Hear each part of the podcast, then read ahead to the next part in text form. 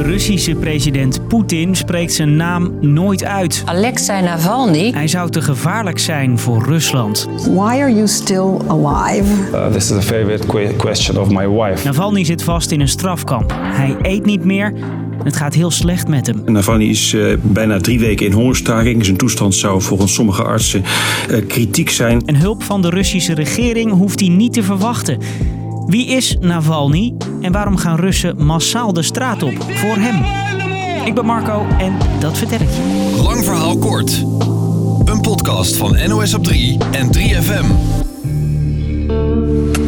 A kiss goodbye for his wife Yulia. The leading critic of the Kremlin, Alexei Navalny, has been detained by police after returning to Moscow. The supporters are demanding that he receive proper medical treatment. He's been talking about how his health is deteriorating.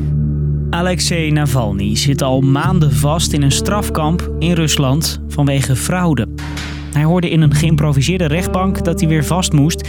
Daar was hij niet blij mee. Hij zegt hier dat het niet kan wat er gebeurt en dat de opa in zijn bunker bang is. Daarmee bedoelt hij natuurlijk Poetin. Inmiddels is Navalny overgeplaatst naar een strafkolonie in Siberië. Het regime is heel streng. Het is geen goede plek om vast te zitten, zegt deze Ruslandkenner. Je wordt uh, op een hele harde manier gedisciplineerd. Behalve dan die 24 uur per dag, 7 dagen per week. Surveillance worden mensen om de twee uur s'nachts gewekt. En dan moet je je naam, geboortedatum en detentienummer uit je hoofd opdreunen. En het gaat dus niet goed met hem. Navalny eist dat hij gecheckt wordt door een onafhankelijk arts.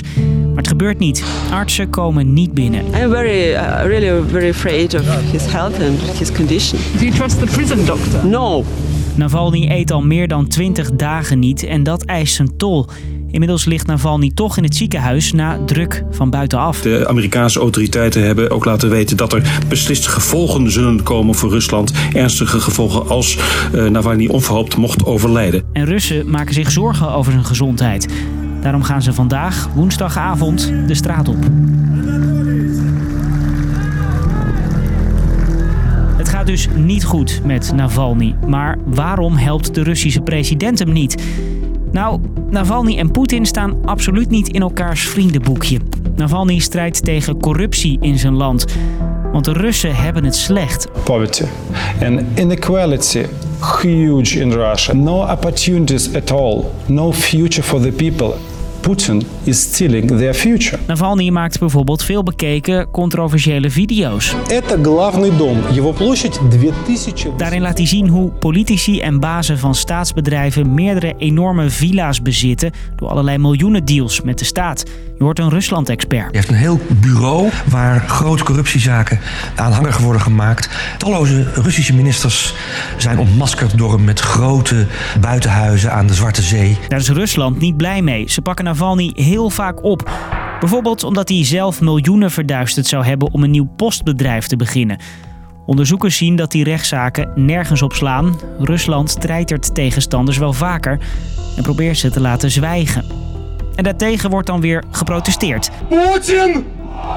Navalny is populair, vooral onder jonge Russen. Hij probeert meerdere keren mee te doen met verkiezingen. Die voor burgemeester van Moskou bijvoorbeeld en de presidentsverkiezingen. Maar telkens wordt hij opgepakt en staat hij dus niet op het stemformulier. Navalny strijdt dus tegen corruptie en zorgt voor mensenmassa's die met hem mee protesteren. Maar elke keer wordt hij getackeld. Vorig jaar komt zijn strijd even tot stilstand. Navalny wordt niet goed in een vliegtuig boven Rusland. Het toestel landt snel. Navalny belandt op de IC in een Russische stad en wordt na lang getouwtrek naar Berlijn gebracht. Hij is vergiftigd, zeggen onderzoekers. Daar is de wereld boos over. Bijvoorbeeld de Duitse bondskanselier Merkel. Er sollte zum Schweigen gebracht werden. Und ich verurteile das auch im Namen der ganzen Bundesregierung. Volgens Merkel wilde Rusland Navalny laten zwijgen. Rusland ontkent dat, toch zijn er wel bewijzen boven tafel gekomen. Dit belletje bijvoorbeeld. Een agent van de geheime dienst zegt dat ze hoopte dat Navalny langer in het vliegtuig zou zitten, zodat het anders was afgelopen. Poetin zelf heeft, zonder de naam Navalny te noemen natuurlijk, ook gereageerd op die vergiftiging.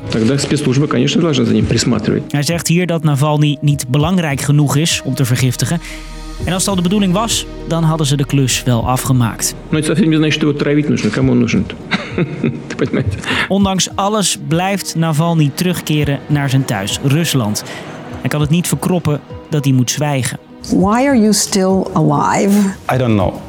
Maybe they missed uh, the uh, good timing for it when I was less famous. Navalny blijft Russen oproepen om te protesteren, om te blijven strijden tegen corruptie en allerlei landen steunen hem. Maar gaat dat ten koste van hemzelf? Komt hij ooit zelf weer levend uit die Siberische strafkolonie? I think I'm ready to sacrifice everything for my job and for the people who surrounding me. I'm not let them down. Dus, lang verhaal kort. Navalny strijdt al jaren tegen corruptie in Rusland. Hij probeerde mee te doen met verkiezingen en hij wil Rusland veranderen. Dat krijgt hij niet voor elkaar. Hij wordt telkens opgepakt en is zelfs vergiftigd. Rusland zegt dat zij er niet achter zitten, maar inmiddels is Navalny in levensgevaar door zijn strijd voor zijn thuisland. Tot zover deze lang verhaal kort. Bedankt voor het luisteren.